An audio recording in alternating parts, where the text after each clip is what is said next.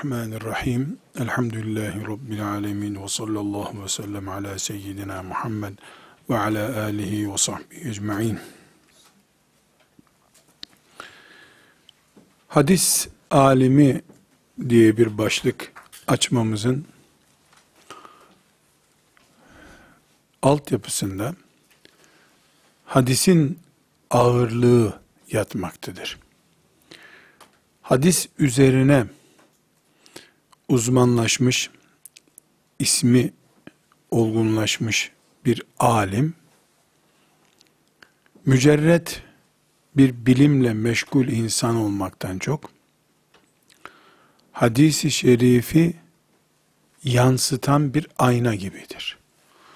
Öyle olduğu zaman zaten ümmet onu hadis alimi diye anar. Alimler hakkında konuşurken bir hakikati önceden tescil etmemiz gerekir. Biz hadis alimi konuşuyoruz dediğimizde geçmişin alimlerini konuşuyoruz. Bugünün alimlerini yarın gelenler değerlendirecekler. Esasen kullar hakkında Allah'tan başkası karar veremez. Bir kulun kimliği, nasıllığı, amellerinin ne olduğu, ne olacağını Allah karar verir. Ama bize yansıyan bölümü bizim elimizde tutabildiğimiz, gözümüzde görebildiğimiz duruma gelen çalışmaları bizim değerlendirmemize dahil olur. Bunu da ancak ameli kalmış, kitabı kalmış, talebeleri kalmış, kendi gitmişlerle yapabiliriz. El an kendisi duran insanlar hakkında değerlendirme yapmamız sağlıklı değildir. Bu yüzden biz hadis alimi karakteri ve hadis alimi şablonu çizerken hadis alimi böyledir derken dün gidenler hakkında konuşuyoruz.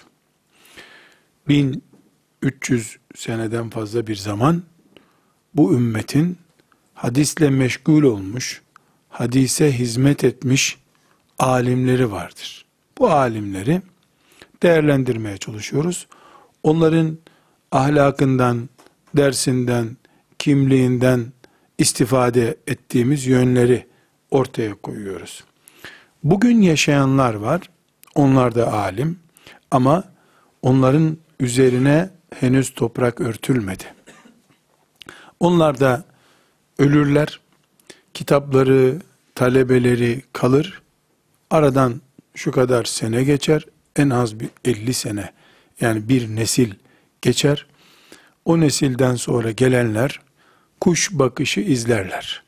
Kuş bakışı onun artılarını, eksilerini toplarlar. Neticede bu zat ilme, hadisi şerife şöyle hizmetlerde bulundu derler. Bunun yüzünden şöyle bir fitne çıktı derler. Artısını, eksisini sonra gelenler söyleyebilirler. O yüzden biz hadis alemi dediğimizde dünküleri konuşuyoruz. Bugünküler yarın konuşulacak. İnşallah Rabbimizden niyaz ederiz ki e, biz de hadisi şerifi sevenler, hizmet etmeye çalışanlar listesinde bulunuruz. İnsanların listesinde de bulunuruz. Meleklerin listesinde de inşallah bulunuruz. Hadis-i şerifle ilgili e, madde madde e, sayarak hadis-i şerif üzerinden ilim adamı olmuşların karakterini çözmeye çalışıyorduk bir önceki dersimizde. Ona devam edeceğiz. Tekrar tekit dediğim, daha önce tekit ettiğim şeyi, yani biz hadis-i şeriflerle dirileceğiz. Hadis-i şeriflerle Müslümanlığımızı inşallah yaşayacağız dediğimiz zaman Hadis okumamız evvela akla gelir. Elbette hadis-i şerifte okuyacağız. Ama su içtiğimiz kabı tanımamızın içtiğimiz suyun üzerinde etkisi vardır. Bir misal vermek istiyorum. E, pet şişelerle e, su satılıyor. E, bir ara e, bu şişelerden içmeyin, cam şişeden için denmişti. Dünyanın en güzel, en kaliteli suyu da olsa pet şişenin içinde bir hafta bekledikten sonra o su su olma özelliğini den çok şey kaybedebilir denmişti. Su sudur ama kabına göre de suyun kalitesi değişebiliyor. Hadis-i şerif ilim olarak e, elbette Resulullah sallallahu aleyhi ve sellem Efendimiz'e intisap ediyor. Ama e, yani o intisabı sebebiyle elbette mübarektir. Ama biz hadis alimi karakteri bilmekle hadisi şerifin de niteliği üzerinde, üzerimizdeki ağırlığı hakkında daha tatmin olmuş bir kanaat sahibi oluruz Allah'ın izniyle. Bu sebeple e, pet şişeyle e, plastik şişeyle cam şişe arasında fark olduğu gibi su ne olursa olsun, su ne kadar kaliteli olursa olsun cam şişe daha güzel dendiği gibi hadis alimi dediğimiz zaman e, zihnimizde oluşan olgu bizim hadisi anlamamıza da yardım edecek Allah'ın izniyle. Evet tekrar e, devam edebiliriz. Hadis alimi karakterinde bir sözü sahibinden nakletme özelliği vardır. Hadis alimi demek, konuştuğu sözü kimden duyduğunu, o duyanın kimden duyduğunu, ta sözün ilk sahibine kadar belgeleme karakteri vardır. Burada küçük bir mülahaza açmamızda fayda var. Dinimiz, şeriatımız, insanların konuşma haklarına mani olmaz. İsteyen, istediği gibi konuşabilir. Haram ve batıl bir şeyi zaten Müslüman konuşmaz. Ama konuştuğu söz kendi kanaati ise bunu ben söyledim der. Ben söylüyorum. Kanaatim budur der. Fakat hadis alimi bu hürriyete rağmen başkasından duyduğu sözü kendine mal etmez. Başkasından duyduğu sözün de ilk kaynağına kadar kime ait olduğunu belgeleyince konuşur. Bu hadis aliminin karakteridir. Diğer ilim dallarında, şeriatımıza mahsus diğer ilim dallarında bu denli güçlü değildir bu. Çünkü herkesin bir şey konuşma hakkı vardır. Bu gözlüktür. Bunun gözlük olduğunu ben görüp zaten anladım. Dolayısıyla bu gözlüktür derim. Bir başkası buna gözlük diyeceğiz. Tamam mı? diye bana söyler. Ben de bu gözlüktür diye yine ilan ederim. Bu normaldir, doğrudur. Bir hadis alemi bunu böyle tarif etmez. Herkesin bunun gözlük olduğunu söylemesi doğaldır. Ama hadis alemi bana Ahmet dedi ki bu gözlüktür. Ben de bunun gözlük olduğunu söylüyorum der. Kaynaklandırma bilgiyi ana kaynağına ulaştırma ilkesi vardır hadis ilminde. Bu yüzden zaten hadis ilmi farklı bir ilimdir. Kelam ilmi gibi değildir mesela. Fıkıh gibi de değildir. Bir fakih ismi itibariyle yani fakih denecek bir insan olduğu zaman, Müslümanlar onu fakih bildiği zaman, ona kimden duydun demezler. O da kimden duyduğunu söylemesi gerekmez. Zaten fakih, üretebilen insan demektir. Üretir. Ayıp değil, günah değil, üretemese fakih olmazdı zaten. Üretsin. Bu gözlüktür. Bundan sonra bunu gözlük olarak anmayı uygun görüyorum der. Doğru söylüyorsun, fakihsin. Sen buna gözlük dediysen gözlüktür denir. Ama hadis alimi hem usul olarak ben buna gözlüktür diyorum demez. Dese de onun için eksi puandır o. Çünkü hadis ilmi taşıma, aktarma ilmidir. Fıkıh ilmi ise üretme ilmidir. Üretiyorsun. İsim üretiyorsun mesela. Gözlük ismini üretiyorsun. Bir fakih buna gözlük dediği zaman mucit olur. Ve onun fıkıh puanı artar.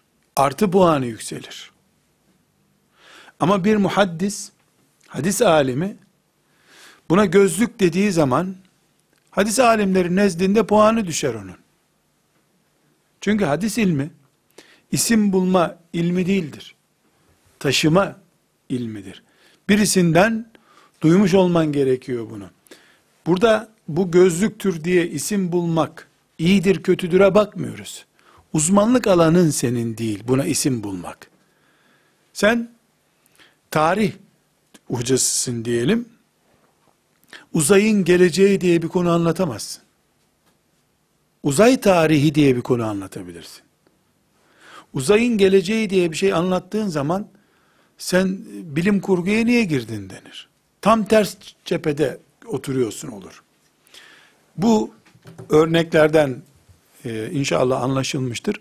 Hadis aliminin vazifesi ilk kaynağa kadar insanları ulaştırmaktır, taşımacılıktır. Bilgi taşıyor. Nesilden nesile, kitaptan kitaba bilgi taşıyor. Bu fonksiyonunu icra ettikçe bir muhaddis, hadis alemi, artısı yükselir. Tabii ki bu taşıma esnasında güvenli taşıma var. Yolcuların anasına doğduğuna pişman etmiş berbat bir taşımacılık var. Yani taşımadan taşımaya da fark var. Kargocu ama böyle devirerek taşıyan var. E, itina ile taşıyan var. Bu da Bukhari ile bir başka alim arasındaki farktır. Bu sebeple hadis aliminin özelliklerinden biri ve ve hadisle meşgul olacak Bukhari'yi seven, Bukhari gibi olmak isteyen birinin özelliği taşıyıcı niteliğini, nakledici niteliğini bilmektir. Hadis alimi budur.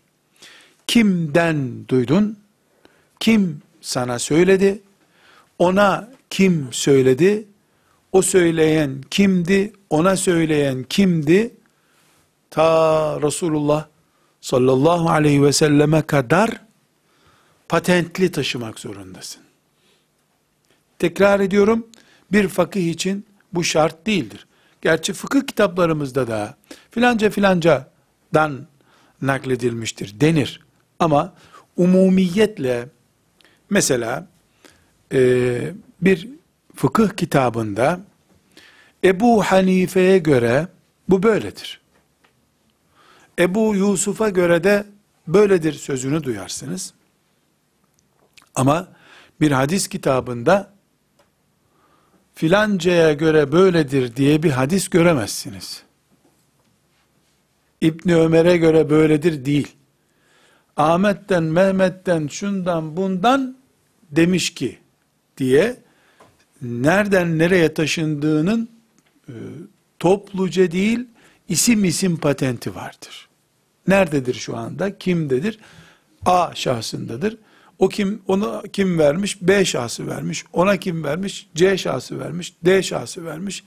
Ta benim kaynak olarak elime geçen mesela İbn Mace isimli kitapta ben görüyorum ama İbn Mace'nin de bunu kimden gördüğünü görmem gerekiyor. Hadis ilmi budur. Fıkıh ilmi bu değildir. Kelam ilmi bu değildir. Tekrar ediyorum.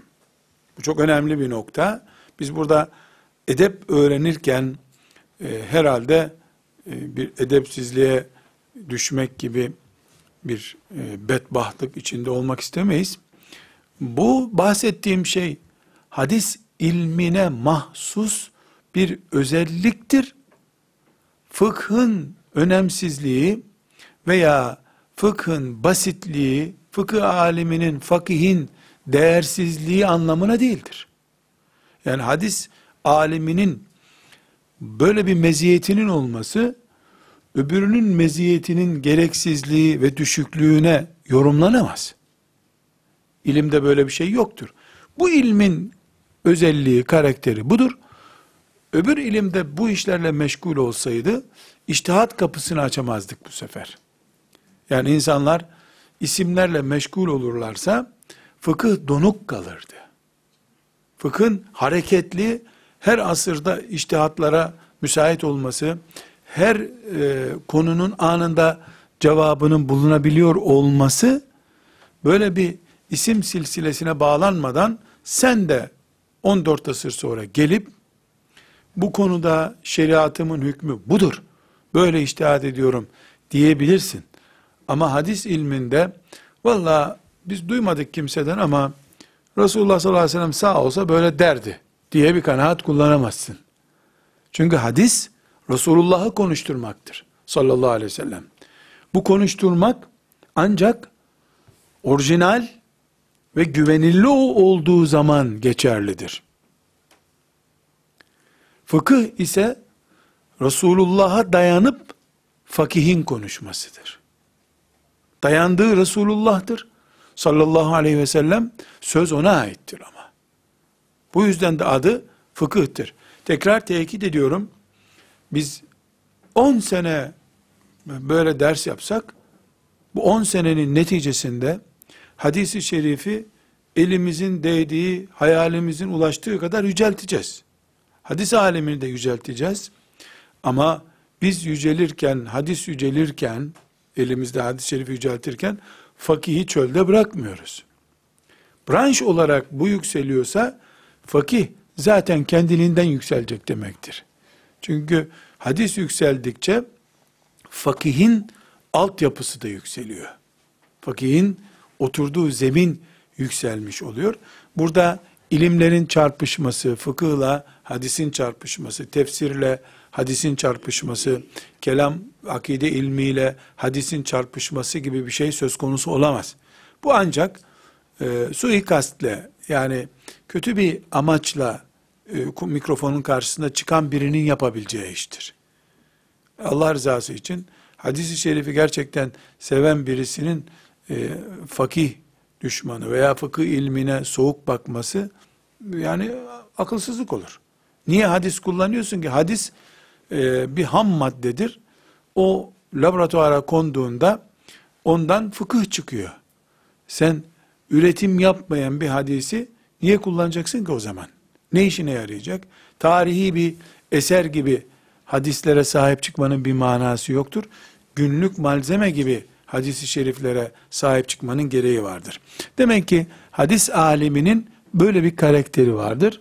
Bu özelliğine dikkat ediyoruz. Hadis alimi e, elini şakağına koyup bu bana göre böyledir ebedi demez. Bana göre böyle olmaz hadis aleminde. Böyle dedi olur. Hep başkasından nakleder. O başkası başkasından, o da Resulullah'tan sallallahu aleyhi ve sellem, o da Allah'tan. Hadis bu ulaşım zincirinin ağının adıdır. Burada e, bu başlığın altında bir başlık daha yan başlık olarak açmak gerekiyor. Şimdi fıkıhta dedik ki fakih iştihad eder. Böyle gördüm, böyle anladım der. Vay sen niye böyle anladın demeyiz. Ona fakih dedik zaten biz. Dolayısıyla Allah mübarek etsin ama filanca senin aykırı bir iştihadını yapmıştır. Biz onu daha uygun gördük deriz dersek. Bunu silkeleyip öbür tarafa atmayız. Ama muhaddis nakil yapıyor. Dolayısıyla bir güven ve nakilde kalite arayışı girer muhaddisle beraber. Evet, ben A şahsından duydum diyorsun. Bu meslek, yani hadis ilmi de kimden duyduğunu söylemeni bize şart koşmuştu. Fakat senin kulakların nasıl? Onun dili nasıl? O da duyarken başkasından kulağı nasıldı? Yani sadece söz konusu olan duydum ben e, şeklinde bir e, duyum üzerinden nakledilen hadisi şerif değil. Duyulmuşların belgelenebildiği bir ilim dalıdır hadis ilmi. Hadis alimi duyan, duyduğunu belgeleyen, okuduğunu belgeleyebilen birisidir. İleride inşallah hadis ilminin alt yapılarını tahlil ederken göreceğiz. Mesela A şahsı, A alim, B alimi duyduğunu söylüyor. Bakacağız ki e, birileri gelecek, A, B'yi duyduğunu söylüyor. Nerede duyduğunu araştıracak. Nerede duydun sen bunu? Yemen'de duydum. Senin yolculukların mercek altına alınacak. Sen Yemen'e gittin mi? Sen Yemen'e gitmedin. Nasıl duydun bunu? Çünkü bu zat Yemenli. B Yemenli. Sen Bağdatlısın. Nasıl buluştunuz? Ha, biz haçta buluştuk. Sen hangi sene hacca gitmiştin? 180. yılda. 180. yılda bu zat Mekke'de miydi? Hacca gitmiş miydi? Araştıracağız. Güvenlik soruşturması yapıyoruz. Ha, koca hoca yalan söyleyecek hali yok ya. Yok böyle bir şey. Şimdi peyda oldu bu. Sarığı var adamın ya. Yalan söyleyecek hali yok ya. Bizim caminin imamı yalan söyleyecek hali yok. Şimdi böyle bu. İster hoca olsun, ister sarığı olsun, ister sakalı olsun. Nerede duydun kardeşim bunu? Çünkü senin taşıdığın malzeme çok nükleer bir malzeme. Resulullah dedi diyorsun. Sallallahu aleyhi ve sellem. Masal anlatmıyorsun. Resulullah adı geçen bir yerde sen varmış yokmuş mışlı mışlı bir hikaye üslubuyla anlatamazsın. Bize belgeleyeceksin. Yemen'e gittiğini söyleyeceksin. Yahut da e, haçta buluştuk diyeceksin. Tabi bunları ben yani varsayım olarak anlatıyorum. A, B diye varsayım ismi ve sanal isimler olarak zikrediyorum. Demek ki hadis ilmi e, özellikle e, bir nakil ilmidir. Fıkıh gibi bir olduğun yerden üretim ilmi değildir. Esasen mesela Buhari'yi e, Sahih Buhari hepimizin bildiği örnek olarak e, ele alalım. E, koca işte bin sayfalık bir kitap diyelim. İmam Bukhari'ye ait başlıktan başka bir şey yoktur o kitapta. Başlık vardır sadece. Konuları başlıklandırmıştır. Ahmet bin Hanbel'in müsnedinde tahkikli baskısı 50 küsür cilttir. 52 cilttir tahkikli baskısı. Redakte edilmiş baskısı. Ahmet bin Hanbel'e ait tek bir kelime yoktur. Tek bir kelime. Başlık da yok çünkü. Başlığı da yok. Belki başlık olarak değil de Ahmet bin Hanbel'e ilave olarak bana dedi ki, bana dedi ki diye nakil var. Yani kimden duyduğunu söylerken onlar Ahmet bin Hanbel'in sözüdür. Bana dedi ki. Onun dışında 52 ciltlik kitapta Ahmet bin Hanbel'e ait tek bir kelime yoktur. Hadis aleminin kitabında ona ait bir şey olmaz zaten. Fıkıh kitabında da kendi kaleme aldıysa tamamı ona aittir. Bu beraberinde güvenilirlik sorunu getiriyor. Güvenli nakilci. Mesela çok e, orijinal bir e, tespit olarak bunu anlamamız için orijinal zikredebilirim. E, mesela Bukhari dedik, Ahmet bin Hanbel dedik. Muhammed bin İsmail Bukhari'nin adı, Ahmet bin Hanbel de işte Ahmet bin Hanbel'in adı. Bukhari'de de Ahmet bin Hanbel'de de kendi görüşleri yoktur. Başlık olabilir dedik. Yani kitaba başlık koyuyor işte. Konu başlığı koyuyor. Ahmet bin Hanbel'de de onda da bana göre de böyledir diye bir şey yok. Ama Bukhari'de naklettiği şeylere güven yüzde yüze yakındır. Ahmet bin Hanbel'de yüzde altmışlardadır. Yüzde yetmişlerdedir. İkisi de hadis alimi ama ne dedik? Bir güven araştırması da yapılıyor. Hadis alimlerinin e, bir güven uygulaması vardır. E, ne kadar doğru olur bilmiyorum da hani de haberlerde duyuyoruz ya işte filan kredilendirme kuruluşu Türkiye'nin kredisini artırdı diyoruz. Yani Türkiye'yi AA'ya geçirdiler diyor. AAB oldu Türkiye diyor. Artık ne yapalım her şeyi modern örnek kullanmak zorundayız. Ekonomist olduğumuz için toplum olarak ben de müsaadenizle böyle örnek vereyim. Hadis alimlerinin de böyle kredilendirmesi var. O zamanlar AAA veyahut da AAB ya da AABAA gibi bir isim yoktu. Ne diyordu? Sikadir diyor. Bu hadis alemi sikadir diyor. Bu emirül müminindir diyor. Bu saduktur diyor. Bu filancadır diyor. Demek ki hadis alimlerine de bir puanlama yapılmış. Neden? Çünkü hadis alimi taşıma, nakletme için o ilimdedir. Nakli de beraberinde bir güven getiriyor, güven sorunu getiriyor. O nedenle hadis alimlerine bir güven puanlaması yapılmıştır. Tabi bu e, Amerika'daki bir kuruluşa, araştırma kuruluşuna yaptırılmamış. E, bin alime, yüz bin alim bu kredilendirmeyi yapmış. Yani bir nesilden nesile oturmuş bir e, puanlama söz konusu burada. Yoksa İmam Hatip Lisesi'ndeki ders notlarına göre verilmiş bir puan değil bu.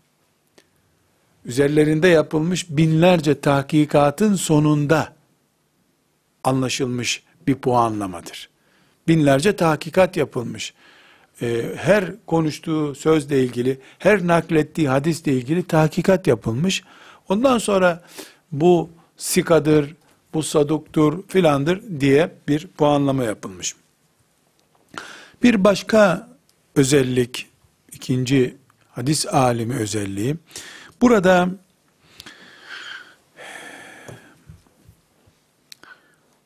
tekrar başa alacağım. Hadis ilmi nakil ilmidir dedik. Hadis alimi de nakleden alimdir dedik. Beraberinde de güven gelmesi gerekiyor dedik. Bu güvene göre bir puanlama yapılıyor dedik. Not, bitti bu. İkinci başlığımıza geçiyoruz. Bir yerde güvenlik araştırılması yapılıyorsa eğer, otomatik olarak güvensizlik diye bir sorun da var demektir. Hadis ilminin ilim olarak en büyük sorunu Resulullah sallallahu aleyhi ve sellem Efendimizin adına yalan uydurulma sorunudur. Adeta hadis ilminin kanseridir bu. Buna mevzu hadis diye bir isim verilmiştir. Mevzu. Mevzu uydurma demek. Bir hadis aliminin kaza kurşununa kurban gitmesi diye bir deyim var ya. Yani adam kaza kurşununa kurban gitti. Hadis aleminin kaza kurşunu mevzu hadis tuzağına düşmesidir. Mesela Bukhari'nin rahmetullahi aleyh hepimiz tarafından bilinen şöhreti var değil mi? Güven, zirve. Yani neredeyse e, Buhari sen ölüsün dese bize ölmüş inanacağız kendimize yani. Öyle bir güven var Buhari üzerinde. bir kere mevzu hadis nakletmiş olsaydı Buhari böyle olmayacaktı. İnsanın kanseri gibidir hadisteki mevzu hadisler. Görünürde sade vatandaş hiçbir şekilde mevzu hadisi yakalayamaz. Ahmet, Mehmet, Ali bir sürü isim var başında. Resulullah dedi. Ne kadar da güzel bir söz biliyor musun? Muhteşem bir söz. Resulullah dedi. Bu sözü söylese Resulullah söyler zaten. Hakikaten de öyle. Bir benzeri Kur'an'da vardır belki de onun. Veyahut da o sözün bir başka uslupla söylenmişi Bukhari'de vardır mesela. Ama mevzu hadis yani Resulullah sallallahu aleyhi ve sellem söylemediği halde birilerinin kasten ya da anlamadan Resulullah sallallahu aleyhi ve selleme izafe ettiği, dedi ki Resulullah diye ilave ettiği sözler, mevzu hadis diyoruz bunlara, hadis alimlerinin kurşunudur. Bu kurşun hadis alemine isabet etti mi yandı o. O prim kaybeder. İşte nasıl mesela e, Türkiye'de işte filan olay oluyor. Devlet adamları şöyle bir tartışma yapıyorlar. Bir zamanlar e, Cumhurbaşkanı işte e, başbakana anayasa kitabı fırlatmıştı. Böyle bir olay. Gençlerin belki duymadığı olaydı o. 15 senelik bir olay bu. Belki de daha fazla. Hemen dünya kredilendirme kuruluşları Türkiye'nin puanını B'ye çekmişlerdi diyor. B'ye çektiler. Ya ne oldu nereye çekiyorsunuz filan? E, Cumhurbaşkanı başbakan hakaret etti. Niye? Bu bir istikrarsızlıktır. Dolayısıyla işte filan Japonya'dan gelecek yatırımcıyı uyarıyor. Gittiğin zaman orada Cumhurbaşkanı ile Başbakan kavga edecek. Senin paran iflas edebilir dikkat et diyor. İşte puanını şundan şuraya çekti diyor. Ya böyle örnekler vermek istemiyorum ama e, sabahtan akşama kadar ekonomi dinleye dinleye de ancak bunları anlarız geliyor e, zihnime. Bir hadis alimi de ağzından mevzu hadis nakledemez. Ettiği zaman e, anında A'dan B'ye, B'den A'ya bir yere düşer puanı. Hadis alimi güven vermesi, güven telkin etmesi gereken e, alimdir dedik. E, bu güveni zedeleyecek en büyük tehlike hadis aliminin söylenmemiş bir sözü söylemesi ya da böyle bir söze alet olmasıdır. Böyle bir söze alet olması da suçtur hadis aleminin. Biz bu dersleri hadis tarihi öğrenmek için değil, Bukharileşmek için inşallah, İbn Maceleşmek için yapıyoruz dedik. Dolayısıyla bu paragrafın bize dönüşünü şimdi tespit etmemiz lazım. Bu paragrafın bize dönüşü şudur. Alim olacaksın, hadisle meşgul olacaksan, kimden duyduğunu bilmediğin sözü de söylemeyeceksin. Duyum kanallarında ufacık şüphen olan sözü de nakletmeyeceksin. Bir varmış, bir yokmuş demeyeceksin. Ahmet dedi ki, o da Mehmet'ten duymuş ki dediğin zaman sen kamera önünde söylenmişten daha güvenli olmalısın. Kameraya montaj yapılabildiği teknolojik olarak ispat edildi. Adam sen düğününü anlatırken bir düğünde ne güzel oldu bu düğün, Allah hepimiz hayırlı bereketli olsun sözünü aynı görüntüyü gösterirken senin sesini taklit ederek iyi ki öldü bunlar cehenneme kadar gitsinler dedirtebiliyor sana. Senin sesinden istediğin taklit ediyor adam. Dolayısıyla kameranın sahtesi olur da Buhari'nin sahtesi olmaz Allah'ın izniyle. Buhari duydum dediyse duymuştur. Hadis alemi bu demektir. Bu yüzden mevzu dediğimiz hadisler, yani Resulullah sallallahu aleyhi ve sellem söylemediği halde, ona söylettirilmiş olan sözler, hadis alimleri için kanser niteliğindedir. kaza kurşunu niteliğindedir. Hadis alemi böyle bir şeye bulaşmamalıdır. İbn Mace ile Buhari arasındaki fark budur. İbn Mace'de mevzu hadisten söz edilebiliyor. Ama Buhari'de asla söz edilemiyor. Burada üçüncü paragrafa geçiyorum. Üçüncü maddeye geçiyorum. Güvenli olacak dedik. Resulullah sallallahu aleyhi ve selleme ait olmayan mevzu bir hadisi asla nakletmeyecek dedik. Onun uzmanlık alanı odur. Anlamadan ağzımdan kaçtı, tam ben öyle şüphe ediyordum diyemez hadisi alemi. Bu sefer seni puanlandırmaya tabi tutanlar da senden şüphe ederler. Sana kırık puan verirler.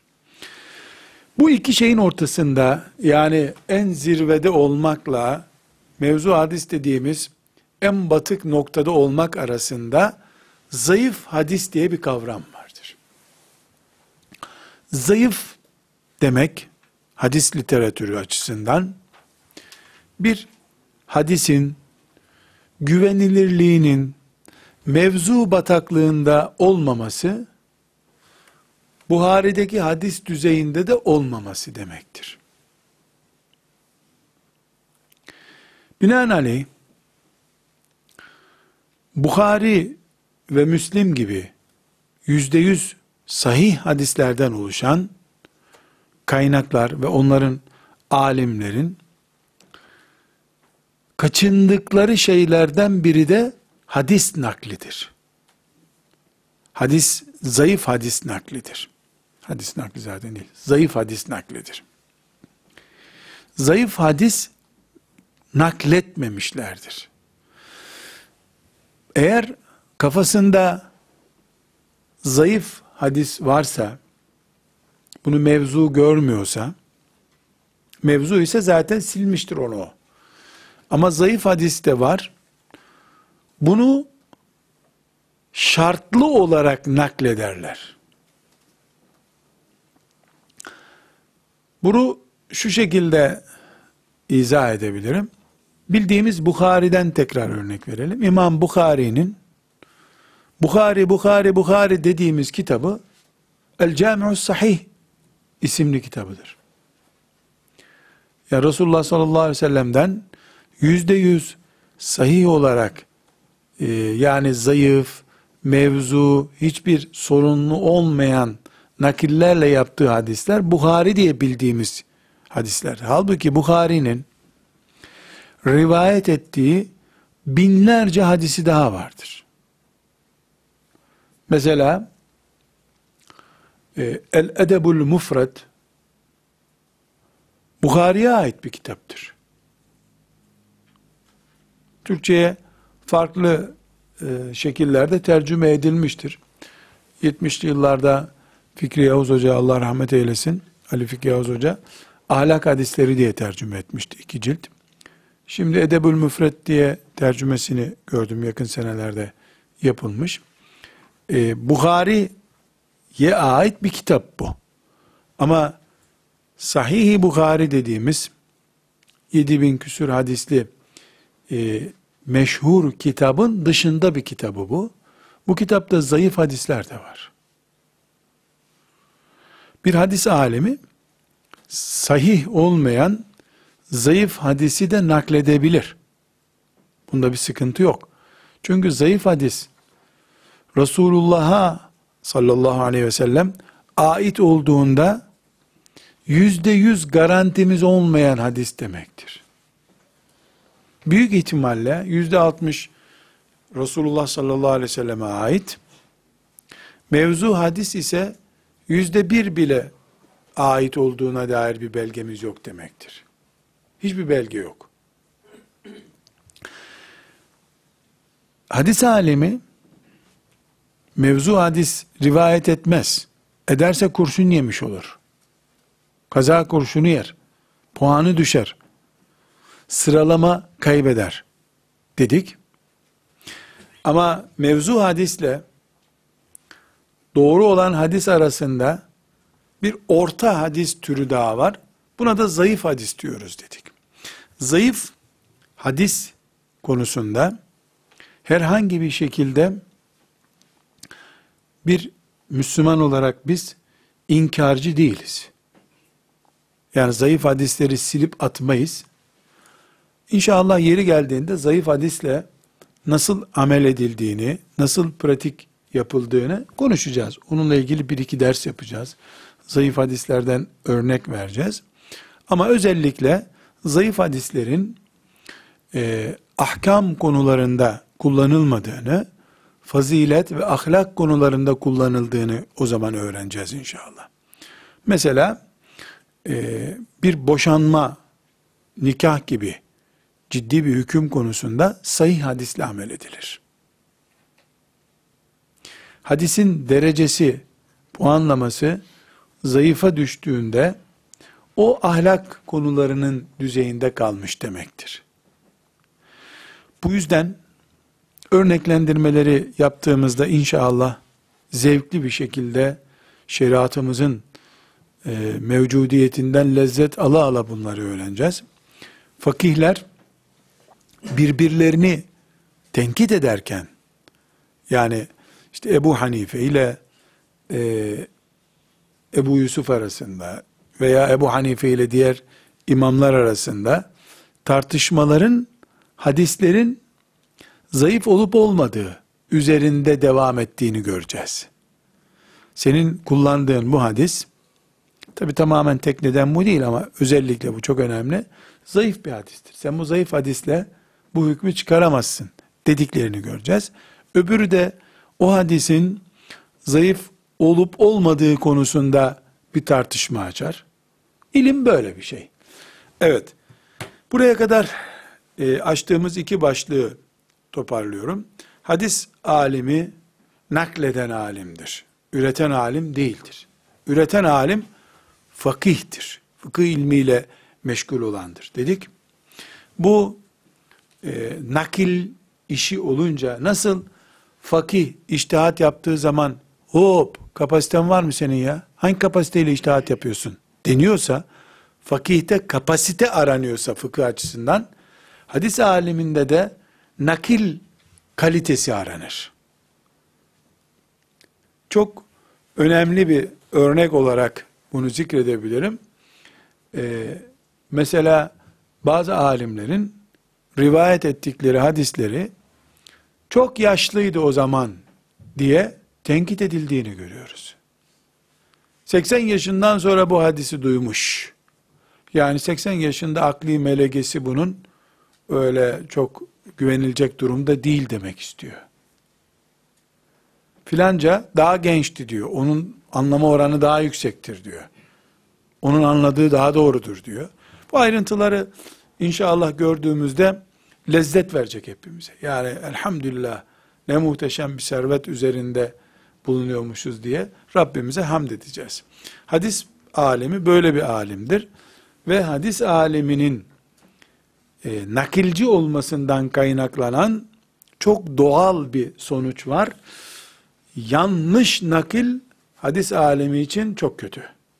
Yanlış nakil yapamaz. Olmayanı olmuş gibi nakletmek kaza kurşununa kurban gitmektir hadis ilminde. Bu konuya mevzu hadis diye bir e, başlık açılıyor. Biz inşallah mevzu hadisin niteliği konusunda bir üç ders zannediyorum yapacağız. O zaman göreceğiz ki yani gerçekten e, hadis ilminin bir matematikten aşağı kalır yönü yok. Hesaplı kitaplı olması açısından. Burada mevzu hadis eksi tabanda kalıyor. Onun en üstünde artı Bukhari düzeyinde hadisler var. Sahih hadis diyoruz bunlara. Sahihi Bukhari demek zaten. Buhari'nin sahih rivayet ettiği hadisler demek. İki yani eksi ile artı arasında zayıf tabaka vardır. Zayıf tabaka Resulullah sallallahu aleyhi ve sellemin söylediğine dair e, sıkıntı oluşturabilen özürlerin bulunduğu rivayetler demek. Bunu sadece anlaşılsın diye söylüyorum. Böyle bir şey yok kitaplarda.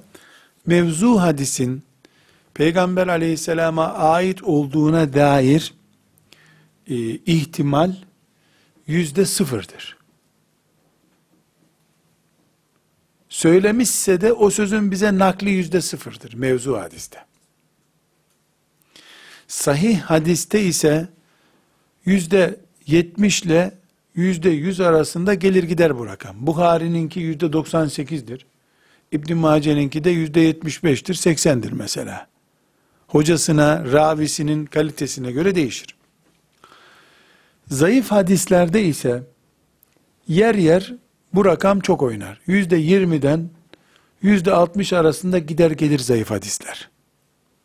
O yüzden de şüphe üzerine, tereddüt üzerine bir din yaşanamayacağı için zayıf hadisle mesela sabah namazı üç rekat olmaz.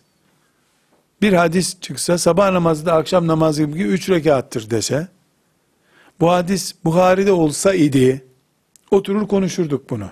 Bundan sonra üç rekat kılalım mı diye. Sanal alemden konuşuyorum tabi böyle bir şey yok. İyi anlaşılsın diye çarpıcı sabah namazı örneği veriyorum. Zayıf hadis dese ki sabah namazın üç rekat kıldı bir defa sallallahu aleyhi ve sellem Efendimiz namaz gibi ciddi bir hükümle ilgili olduğu için hiç duymamış oluruz o hadisi. Ha ne diyorsun filan gibi duymayız onu. Sahih hadislerle ibadet, muamelat, şeriat konularında hükmedilir. Zayıf hadislerle sadece ahlak konularında, fazilet konularında hükmedilir. Mesela diyelim ki diyelim ki camiye geldiğinde tahiyyetül mescit namazı var. Sahih hadis bu. Tahiyyetül mescit. iki rekat namaz. Bitti. Kılınıyor. Bir de bir hadis çıktı karşımıza. Tahiyyetül mescit için özel abdest alırsan şu kadar sevabı var. Mevzu ise bu hadis bunu duymayız hiç. Kulağımız sağır olur. Mevzu bu hadis çünkü. Yok böyle bir şey. Sahih ise doğru lavaboya bir abdest almaya. Sahih değilse, mevzu değilse arada zayıf hadis kalır. Zayıf hadis ise eğer o zaman yaparsan yap Allah kabul etsin deriz. Yapmadın, yapmadıysan yapmadın. Bir günah yok, bir şeysi yok. Neden? Çünkü zaten sen normal abdestinle o namazı kılabilirdin. Yahu tahiyyetül mescid için bir abdest daha al diyor. Mevzu ise at gitsin. Sahih ise yap. Zayıf hadisse vaktin varsa yaparsın. Yoksa yapmazsın diyor. Böyle bir şey yok ama. Ben de ben mevzu hadis uydurdum şimdi işte. Yani iyi anlaşılsın diye uydurdum böyle. Böyle bir şey yok. Olan şeyler üzerinden de örnekler vereceğim ama çarpıcı örnekler daha kolay akılda kalıyor diye bunu böyle zikrettim. Hadis alimiyle ilgili çok önemli bir karakterden daha söz edeceğim kardeşler. Hadis aliminde bilmek ve bilmemek. Yani biliyorum ve bilmiyorum kelimesini çok dikkatli kullanırlar. Çünkü hadis alemi nakilcidir. Stoğun kadar, stoğu kadar konuşur. Fakih üreticidir. Akşamdan sabaha kadar sana her türlü imalatı yapar. Bunu gerektiriyor fakihlik. Hadisçi de e, kompütüründen bakar, elimizde kalmamış ha bundan der kapatır. İmam Malik'ten nakiller yapacağız inşallah. Yani bir talebesi naklediyor, kaba bir rakam veriyor. Belki 40 tane soru soruldu diyor. Bir tanesine cevap verdi, gerisine bilmiyorum dedi diyor. Stokta yok. Bakıyor, mevcut stokta ambarda görünmüyor. Yok, bitti. Bu nedenle bir hadis alemine çok enteresan e, bir tespittir bu. Bir hadis aliminin bitmez tükenmez hazinesi bilmedikleridir. Bitmez tükenmez bilmediklerini sayamaz sana hiçbir hadis alimi.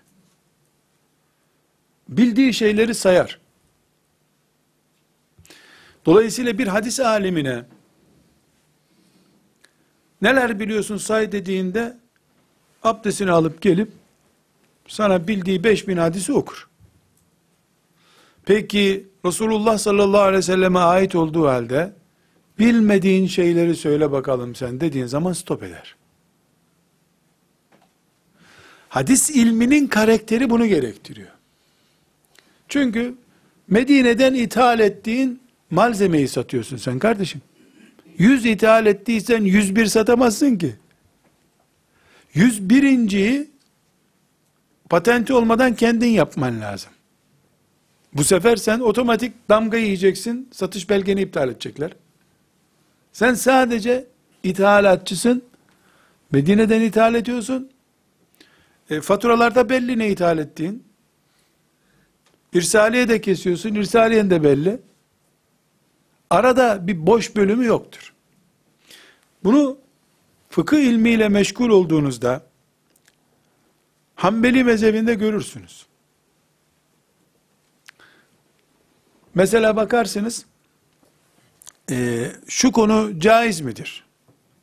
Hanbeli mezhebinde. Ahmet bin Hanbel'den gelen bir rivayete göre caizdir. Öbür rivayete göre caiz değildir. Öbür rivayete göre de belki caiz olabilir demiştir. Neden? Ahmet bin Hanbel'de bilmiyorum sözü çok yoğundur. O anda hadis bilmiyor. Sonra bir hocasından bir hadis dinliyor. Ha bu var diyor. İki sene sonra açıklama yapıyor. Dışarıdan seyredildiğinde ulan bu Ahmet bin Hanbel kim ne sorarsa herkesi memnun ediyor. Mübarek köy müftüsü sanki. Vatandaşlar üzülmesin diye. Öyle değil.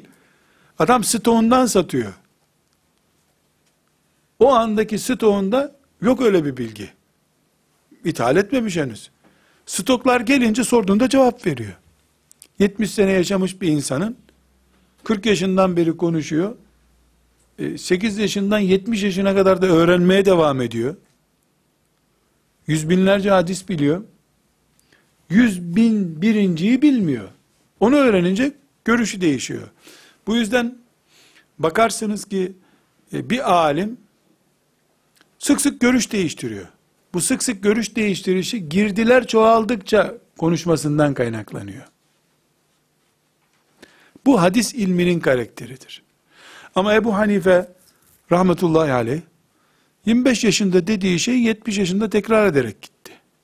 O iştihadında devam ediyor hala. Çünkü o ulaştığı nokta yani un, şeker vesaireden yaptığı helva bildiği helva zaten onun. 10 sene önce de onu yapıp sana veriyordu. 20 sene önce de onu yapıp veriyor. Bazen yeni bir e, glikoz buluyor, şeker buluyor, ondan bir helva daha yapıyor. Hadis aleminde ise mevcut kadar konuşur, mevcudundan fazlasını konuşmaz. Çünkü hadis aleminin vazifesi hadisleri toplayıp onlardan helva yapmak değildir. Patentiyle geldiği gibi onları dağıtmaktır. Bu bir farktır. Hadis ilminin farkıdır. Bu sebeple e, burada bir e, hususa değinmek istiyorum arkadaşlar. Hadis ilmi inşallah da yani bir hakkın izah edebilirim bunu. Hadis ilmi Ahmet bin Hanbel ürettiği kadar terörist de üretir. Beline bomba bağlayıp o bombayı bir camide cuma namazı kılanların üstünde patlatabilir adam. Allah rızası için hem de. Ali'yi sabah namazı kılarken şehit edebilir. Hüseyin'i de Allah rızası için şehit eder. Ve cehennemi boylar. Neden? Çünkü bizim deyimlerimizle hadis, ayet, nükleer enerjidir. Çoluk çocuğun elinde olamaz. Hadis ilmi eğer bir mürşidin Ahmet bin Hanbel gibi birisinin elinden öğrenilmezse yani ilmin terbiyesiyle beraber adabıyla beraber öğrenilmezse, kimin elinde ise onu batırabilir. Bu sebeple hadisi elif cüzü okutur gibi okutmakta da sıkıntı var. Bir Bukhari Fethül Bari olmadan, Umdetül Kari olmadan İmam Hatip talebesinin elinde olduğu zaman senede beş mezhep çıkar bu memlekette. Yokmuş gibi her sene bir beş mezhep çıkar. Her cami bir mezhep olur. Böyle anladı. Neden?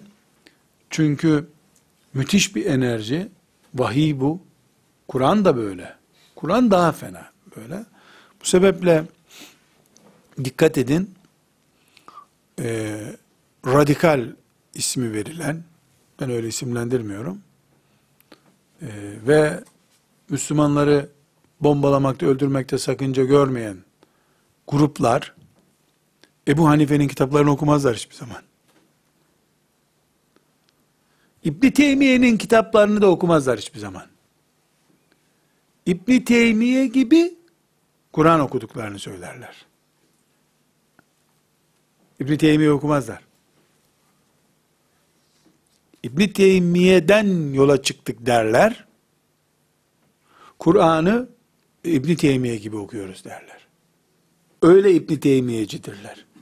İbni Teymiye'nin fetavasını, işte Es-Siyasetü Şer'iyyesini vesaire diğer kitaplarını okuyup hatmetmezler. Kütüphanelerinde o kitaplar yoktur. Ana kaynakla oynarlar. Trafoyla da sürekli oynadıkları için hep elektrik çarpmasıyla sonuçlanan sıkıntılar yaşarlar. Bu sebeple hadis ilmi e, çoluk çocuğun yani yaş olarak kastetmiyorum. İlim çocuklarının, bizim gibilerin, benim gibilerin elinde tehlikeli bir malzemedir. Biz hadis-i şerife muhatabız ama nasıl ravi olmadan ulaşamıyorum Peygamber aleyhisselam efendimize, o asırla bu asır arasındaki kültür erozyonunu telafi edecek bir İbni Hacer koruması olmadan da hadis bana yaramıyor.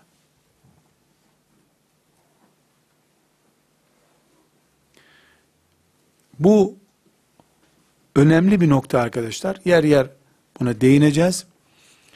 Ee, olaylara Müslümanların arasındaki e, gereksiz sürtüşmelere, Müslümanların birbirlerini ithamlarına baktığınızda bu dediğimi daha iyi anlarız. Ve sallallahu ve sellem ala seyyidina Muhammed ve ala alihi ve sahbihi ecma'in velhamdülillahi rabbil alemin.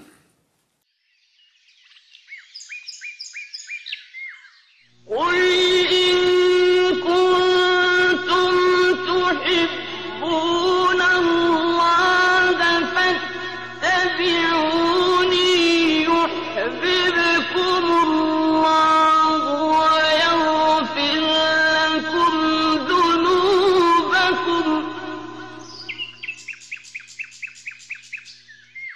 والله